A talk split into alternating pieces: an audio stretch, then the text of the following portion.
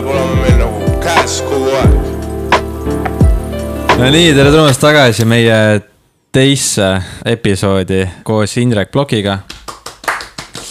Indrek rääkis äh, esimeses saates siis oma elust, reikist, massaažidest, erinevatest, millest hoiduda, mida mitte äh, uudishimustada ja millised on nii-öelda safe ja Indrek siis igapäevaselt tegeleb süvalihaste massaažiga ja kindlasti ka evangeeliumi kuulutamisega ja ka mõnes mõttes sellise vabastusteenistuse või evangeeliumi kuulutamisteenistusega. nii nagu see vanal heal ajal oli, et ikka nagu kõik käis koos, et jumala sõna ja imeteod ja vabanemised.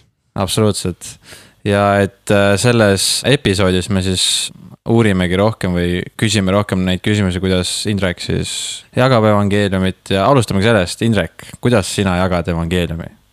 olen jaganud evangeeliumit tänavatel, kõnetanud inimesi ja kui ma usule tulin, siis üks asi, mis oli noh, kuna ma tegelen selle massaažiga, siis ideaalne võimalus inimestele jumalast rääkida on massaažikabinetis, kuhu inimesed tulevad oma muredega, pöörduvad ja, ja see on nagu ideaalne võimalus äh, neid kõnetada. Ja, ja reeglina inimesed nagu nad vait ei ole seal massaažilaua peal, vaid nad ikka räägivad, räägivad oma muredest, rõõmudest ja, ja probleemidest. ja ma palvetasin Jumala poole, et Jumal kasuta mind, kasuta mind minu töös, et ma saaksin inimestele rääkida sinust. ja vot uskumatu, kui see ka pole, on ju, siis ta hakkas kasutama. Ja ta hakkas väga kiiresti hakkasid tulema esimesed võimalused, kus, kus mina nagu otseselt ma ei, mul, mul ei ole nagu viisakas kliendiga hakata ise rääkima jumalast, vaid need situatsioonid ja võimalused tekkisid minu jaoks niivõrd üleloomulikult.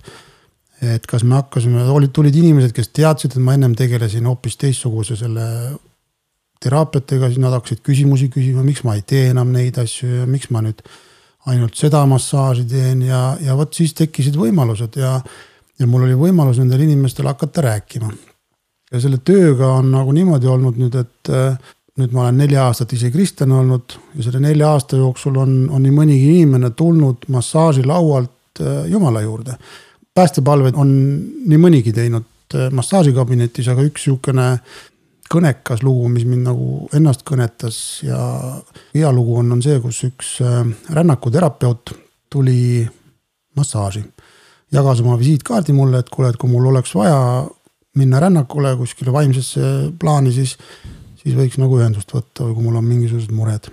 kuidas see täpselt siis välja näeb, et rännak, mis rännak? ühesõnaga enda sisse selles mõttes kuskile lapsepõlve ja, ja hakata nagu kaevama üles oma mingeid mineviku näiteks haavasid tervendama, ütleme siis niimoodi on ju. ja ma siis mõttes mõtlesin, et noh, et tänan, et ma väga ei tule sinna ja ja sees oli selline tunne, et ma pean sellele inimesele hakkama rääkima jumalast, aga vot kuidas seda nüüd rääkida, ta tuli esimene kord.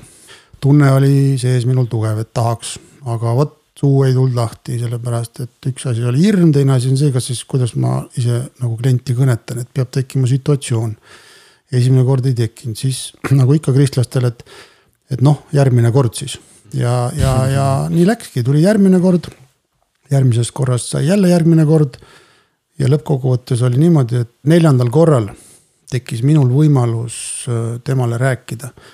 aga, aga kõik need eelnevad korrad ta ise nagu rääkis seal ja, ja rääkis oma lugusid.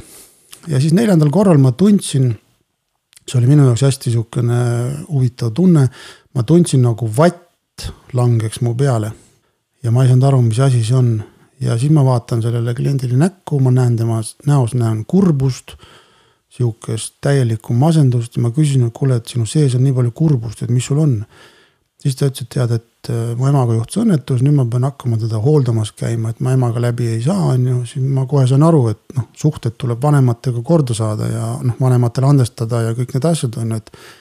siis ta oligi selline kurb ja ah, ta ütleski, et, et mina teisi nüüd aitan, on ju, aga praegu olen ma sellises situatsioonis, teistele ma teen pesumasinat, aga et pesumasin ongi, loputab nagu seest välja kõik siuksed äh, vanad asjad. ja et keegi praegu mind ei aita ja vot see oli see sõna, mis tegelikult mind pani nagu temaga rääkima, ütlesin, kuule, et paned nüüd riidesse, lõpeb ära see massaaž.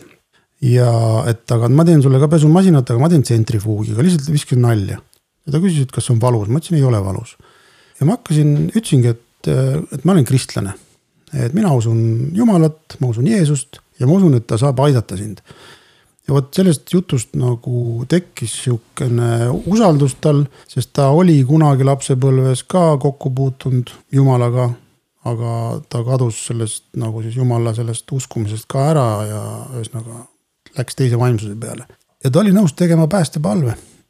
ja nii kui ta selle päästepalve ka tegi, nii tulid emotsioonid, kõik see asi ja pärast ta isegi kirjeldas, ütles, et ta ei ole kunagi kogenud sellist tunnet, et et mis nagu sel hetkel nagu toimus ja ta andis oma elu Jeesusele. ja täna ta on tugev kristlane, käib koguduses ja, ja teenib Jumalat.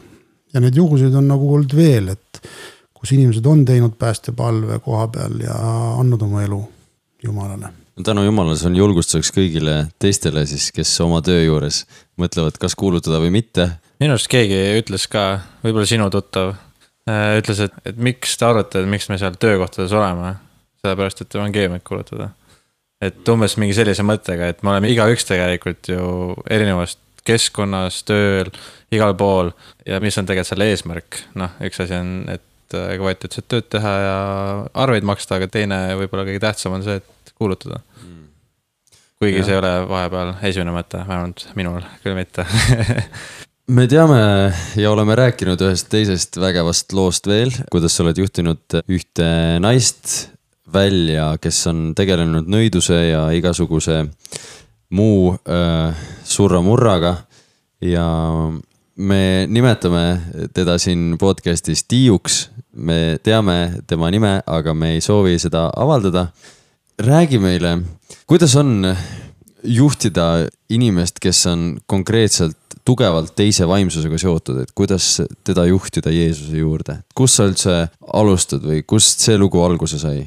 see sai alguse Facebookis ja nii nagu ma olen ka noh, ennem ka ütlesin, et, et jumal kasutab mind, siis reeglina jumal, mis mina olen tähele pannud, kasutab mind just nende inimeste usule toomisel või nend-, juhib neid selliseid inimesi minu juurde, kes on seotud selle teise vaimsusega, sellepärast et.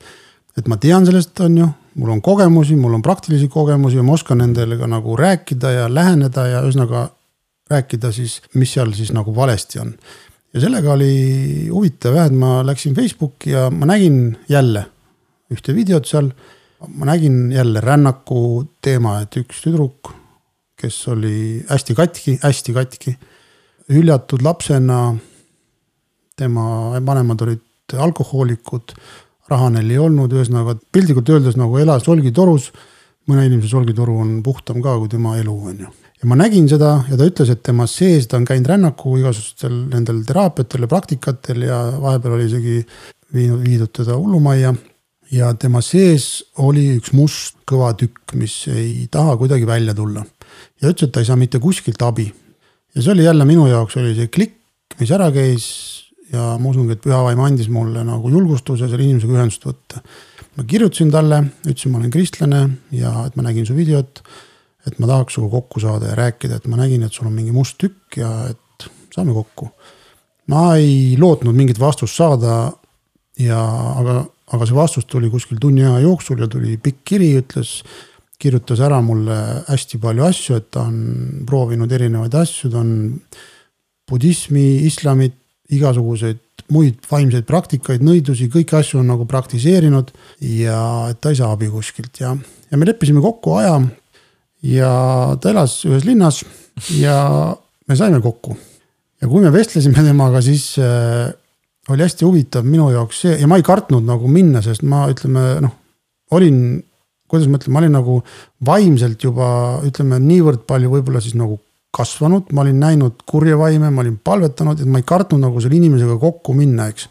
ja me saime kokku ja me lihtsalt rääkisime. ma ei puudutanud vist isegi nii Jeesuse nime alguses ja ma nägin, kuidas ta hakkas sügama ennast, ta hakkas ebamugavalt tundma ennast. ma sain nagu aru, et nii, sealt midagi on tulemas, mingisugused vaimud seal nüüd tunnevad ennast ebamugavalt, siis me, ma ütlesin, kuule, kas ma võin palvetada su eest ta lubas palvetada, siis läksid need sümptomid nagu suuremaks, sügelemine, siis ta hakkas köhima ja öökima. ühesõnaga, me vestlesime kolm tundi sellel päeval ja ta oli nõus võtma vastu Jeesuse selle, selle aja jooksul nagu ja ma rääkisingi, et proovi, et sul, sul ei ole kaotada mitte midagi, et sa oled kõik variandid nagu läbi proovinud, et noh, proovi ka seda, on ju.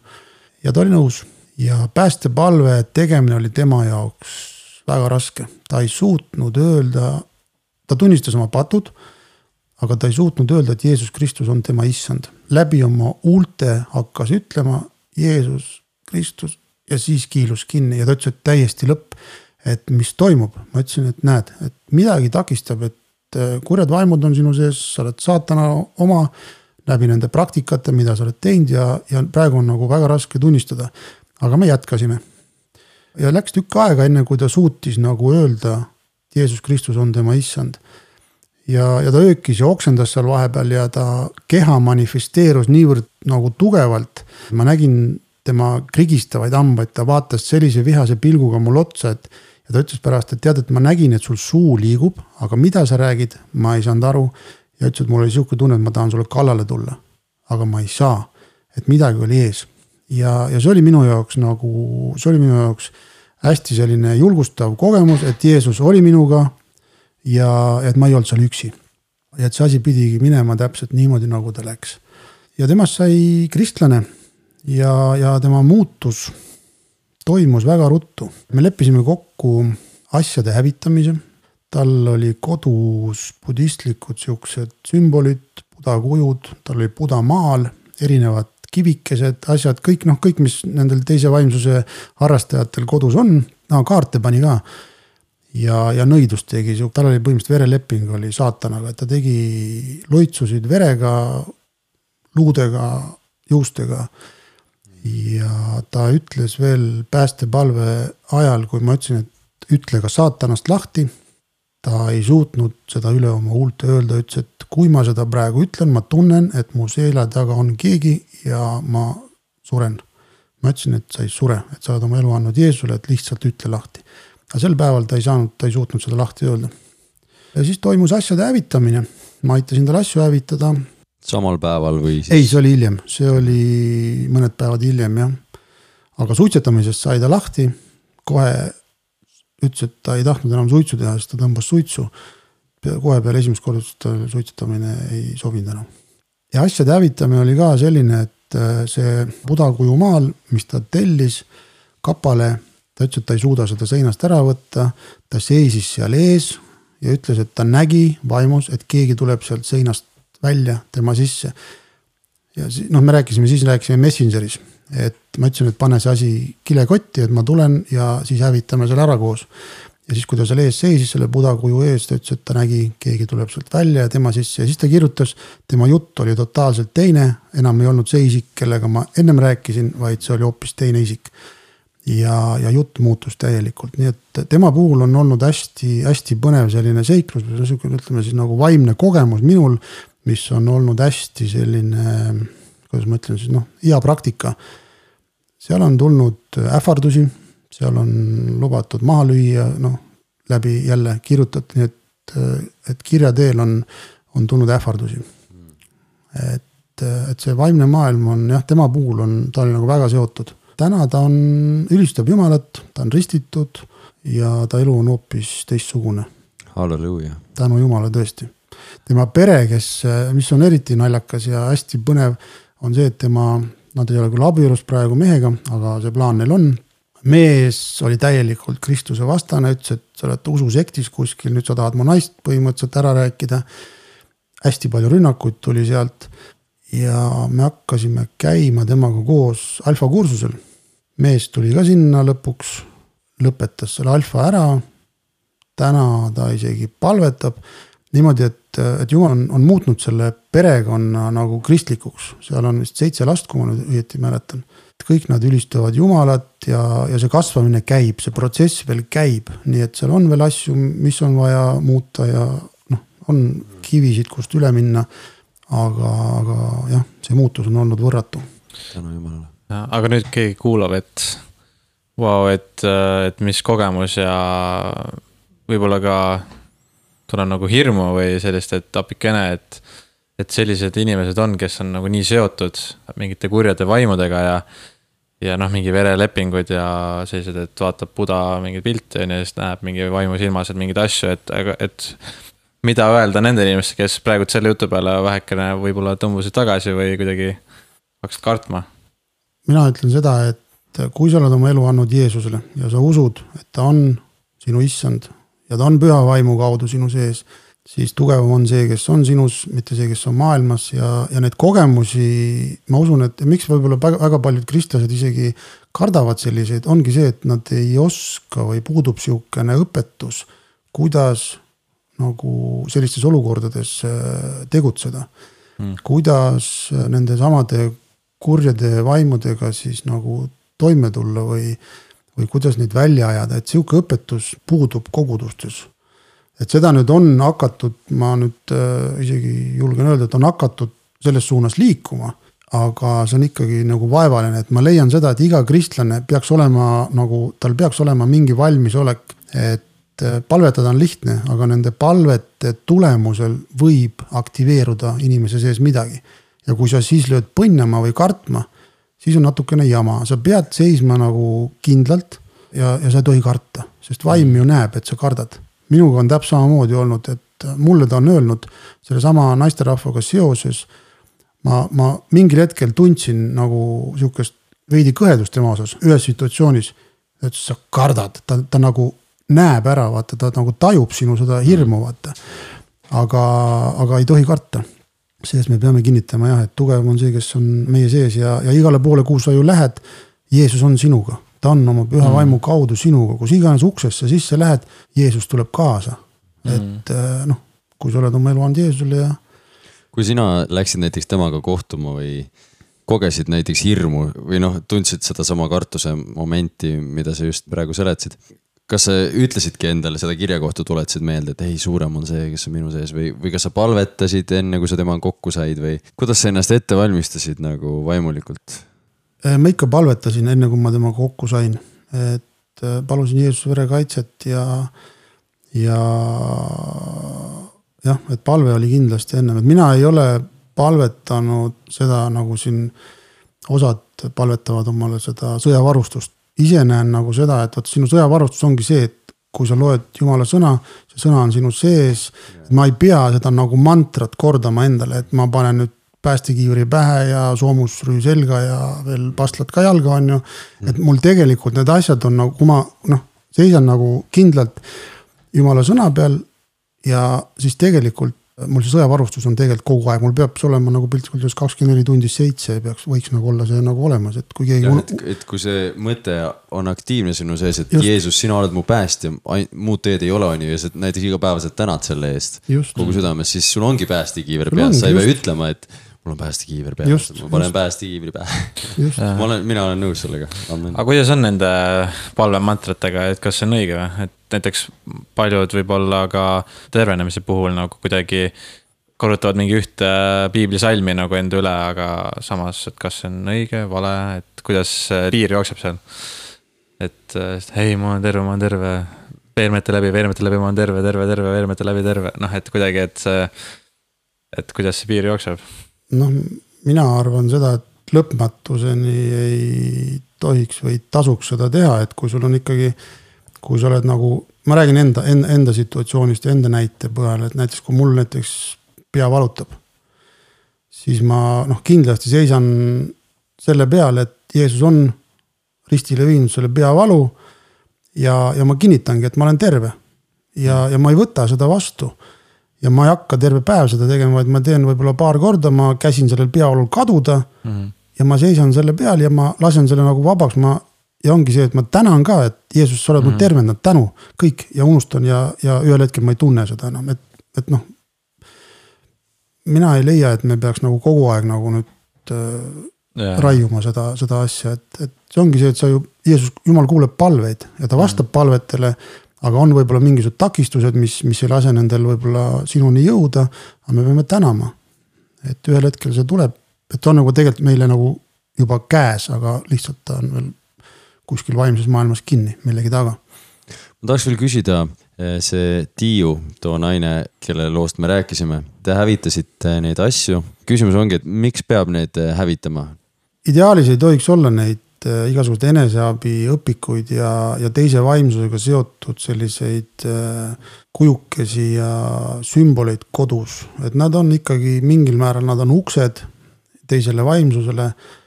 et nad mõjutavad vaimses plaanis ikkagi, ikkagi sind või sinu suhet või sinu tervist isegi, ma julgen öelda. et äh, mida vähem meil neid asju kodus on, seda parem ja me noh. Ja kui sa kahtled, siis palveta lihtsalt, et las püha vaim näitab sulle, mille sa peaksid tema kodust eemaldama, sest mm.. sest ka minul on tulnud välja mingid asjad, mis on kuskil olnud peidus.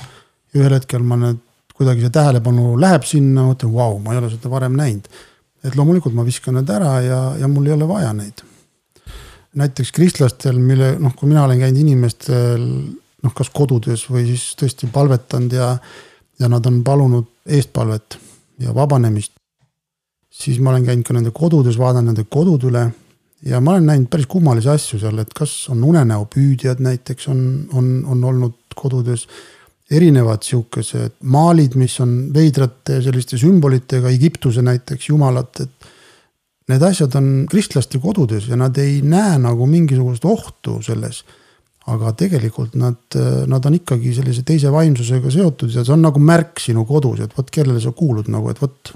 ma olen nagu noh mm. kinnitanud ennast sinu kodu, aga kui sa nad välja viskad, siis sa tegelikult samas ka hävitad selle vaimsuse, sest. nii nagu ma selle Tiiu puhul ka see Buda läks ära ja ta ütles, et ta lõhk läks kodus puhtamaks, tal ennem kui tal nagu need asjad olid kodus, siis tema lapsed nägid mingisugused kardinad liikusid, mingid veidrad asjad toimusid. ta ütles, et peale seda kõik kadus, mm. läks puhtaks.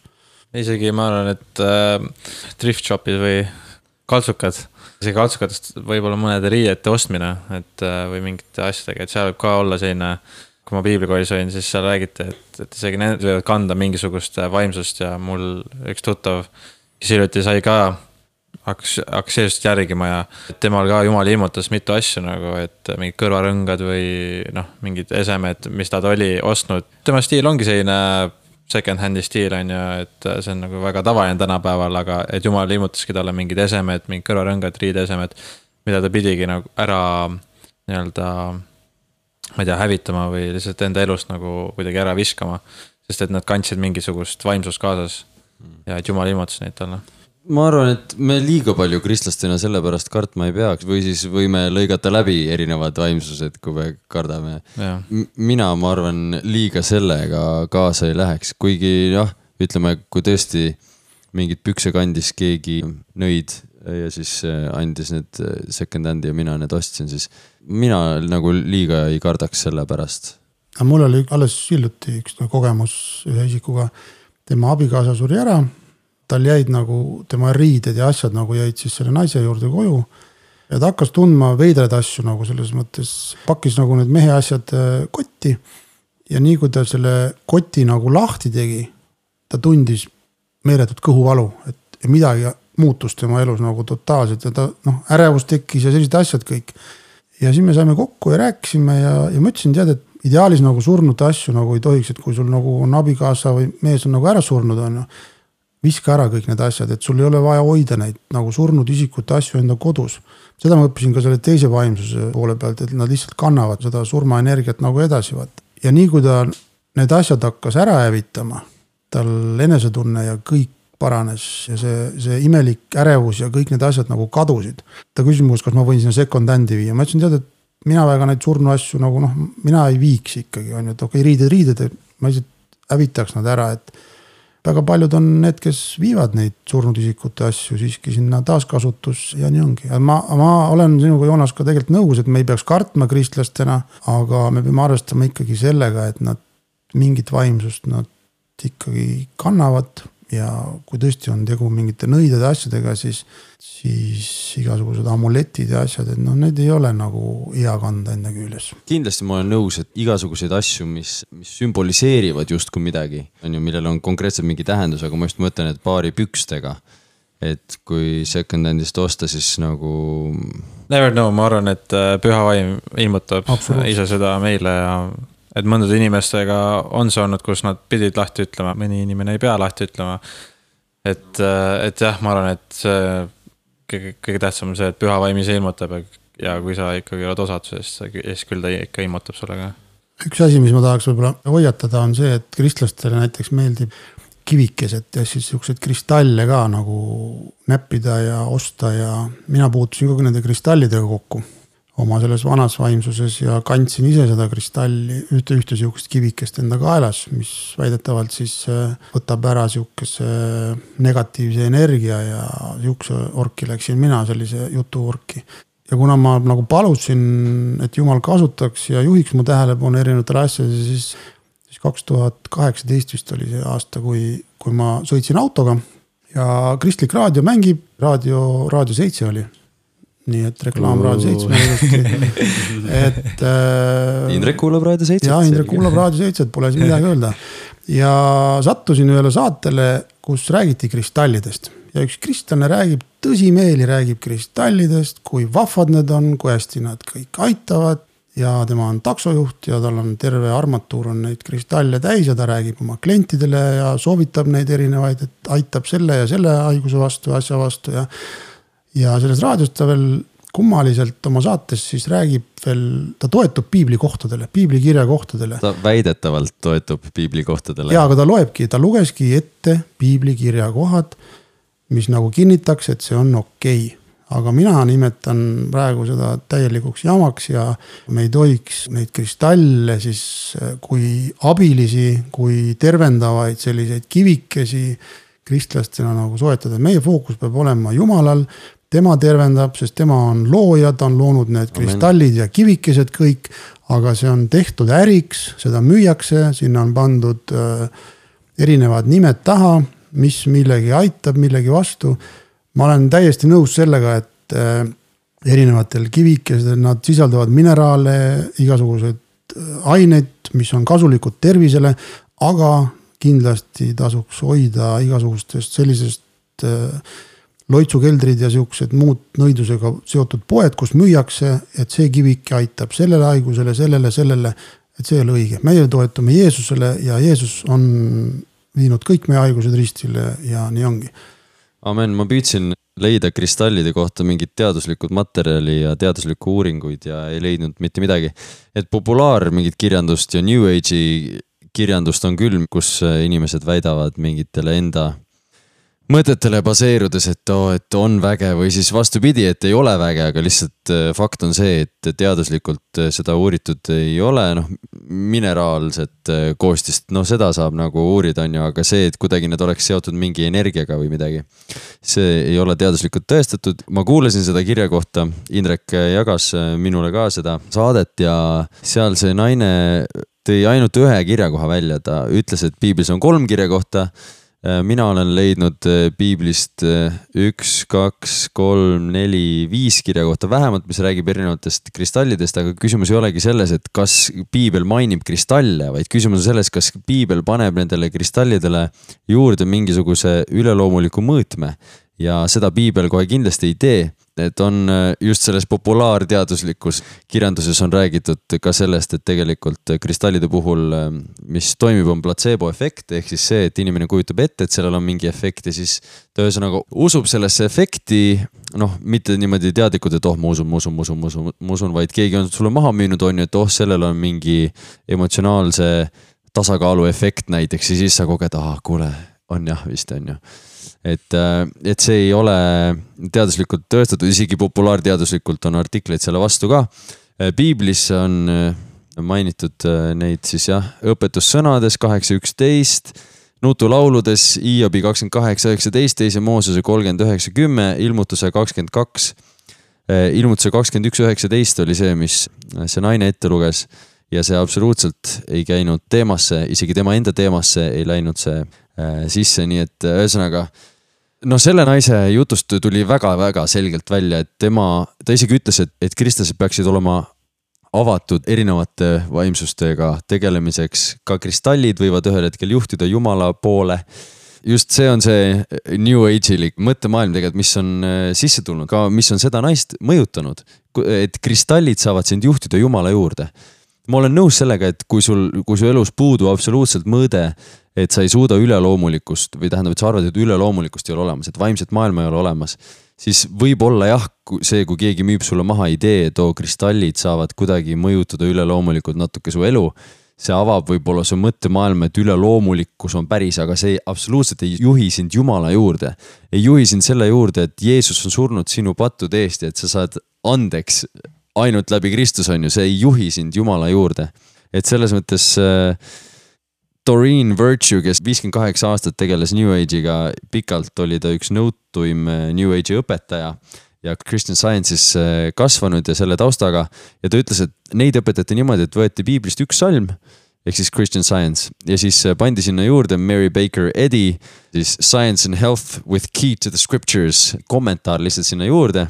Ehk siis rebiti lihtsalt välja mingisugune tsitaat piiblist, salm piiblist, pandi sinna Mary poolt kirjutatud kommentaar juurde ja, ja nad kunagi ei lugenud ühesõnaga oma piiblit. vaid nad ainult lugesid neid kirjakohti pluss need kommentaare. ma tahtsin lihtsalt öelda seda, et, et meie kristlastena peame tundma oma piiblit, ka see naine, ma selles mõttes noomiksin teda küll, ma ei süüdista teda, aga selles mõttes ta ütles ka, et ta ei tunne nii hästi piiblit, tema mees tunneb piiblit, ma ütleksin, et kallis naine, õpi tundma oma piiblit, õpi tundma oma jumalat. Doreen ka, kes peale viitekümmet kaheksat aastat energeetilise tervendajana, vot millega ta veel seotud oli, ühesõnaga ta oli, kaarte tegi inglitega, ühesõnaga rääkis kõik jutt, vaata. ja peale viitekümmet kaheksat aastat ta sai aru, et Kristus on ainus tee Jumala juurde, et ainult Jeesus viib Jumala juurde ja ta aktiivselt tegeleb sellega, et New Age'i valelikkust levitada või tähendab seda ebausku avada, aga tema ütles ka, et kõige olulisem on see, et me tunneksime oma piiblit ja mina soovitan hästi läbi katsuda kõik asjad. ei tasu kõikide asjadega kaasa minna, mis tundub äh, sihukene huvitav ja põnev. ja ma julgustan ka tegelikult igat kristlast kogudustes, et kogudustesse on imbunud ka hästi peenelt sisse sellised äh, kristallivärgid ja, ja muud siuksed okultsed teemad, et kui te näete või kui tuleb kellegagi jutuks, siis juhtige tähelepanu, kas siis pastori tähelepanu, et ma julgustan sellepärast, et see kahjustab ka koguduse mainet ja piibel ütleb ju, et kohtumõistmine algab kogudusest, et mm., et me peame nagu ikkagi ka olema niinimetatult vahimehed või valvurid või. Et kui sa näed kuskil ohtu, mis kahjustab sinu kogudust, siis tegelikult tuleks nendel inimestel nagu öelda, et ära tegele nende asjadega et väga palju inimesi ei saa aru sellest, et need on ohtlikud, need viivad, võivad kõrvale viia. et ma julgustan kindlasti jah, ja muidugi ei pea niimoodi avalikult, et äh, nagu mina praegu tegin, kuigi me ei tea selle naise nimegi. Indrek, sa püüdsid leida selle naise nime, et temaga rääkida, aga sa ei, ei saanud seda. mulle ei antud jah. selles mõttes me ei, siin äh, avalikult küll niimoodi noomisime, aga tegelikult seda peaks loomulikult tegema silmast silma. pastor võiks seda teha või siis kasvõi õde või vend Kristuses peaks seda tegema silmast silma alguses ja kui see ei aita, siis kahe või kolmekesi. paljud ei julge, vaata ongi see, et äh, kartus on inimestel, et mis ma ikkagi torgin seda, et äh, küll keegi teine niikuinii näeb ja las ta olla ja tegelikult see ei ole õige. kui sina näed, siis järelikult usu, et jumal on sulle seda ilmutanud. ja mm., ja vot see ongi see, et sinu ülesanne tegelikult, et jumal ilmutab sulle, mine ja räägi aitäh, Indrek, et sa oled saatesse tulnud ja meiega need kaks osa siin teinud ja avanud veidikene seda energiamaailma ja, ja nende ohtude maailma. nii et aitäh sulle ja jumal õnnistagu sind väga ja andku sulle palju inimesi sinu teele, täpselt nii palju, kui tema, tema juhatab, et äh, tore, et kutsusite ja, ja et sain jagada midagi oma kogemustest, olge väga õnnistatud. amen. Ma loen lõppu ka ühe kirjakoha, esimese Johannese neli. armsad, ärge usaldage igat vaimu, vaid katsuge vaimud läbi, kas nad on jumalast, sest palju valeprohveteid on läinud välja maailma. see on tore.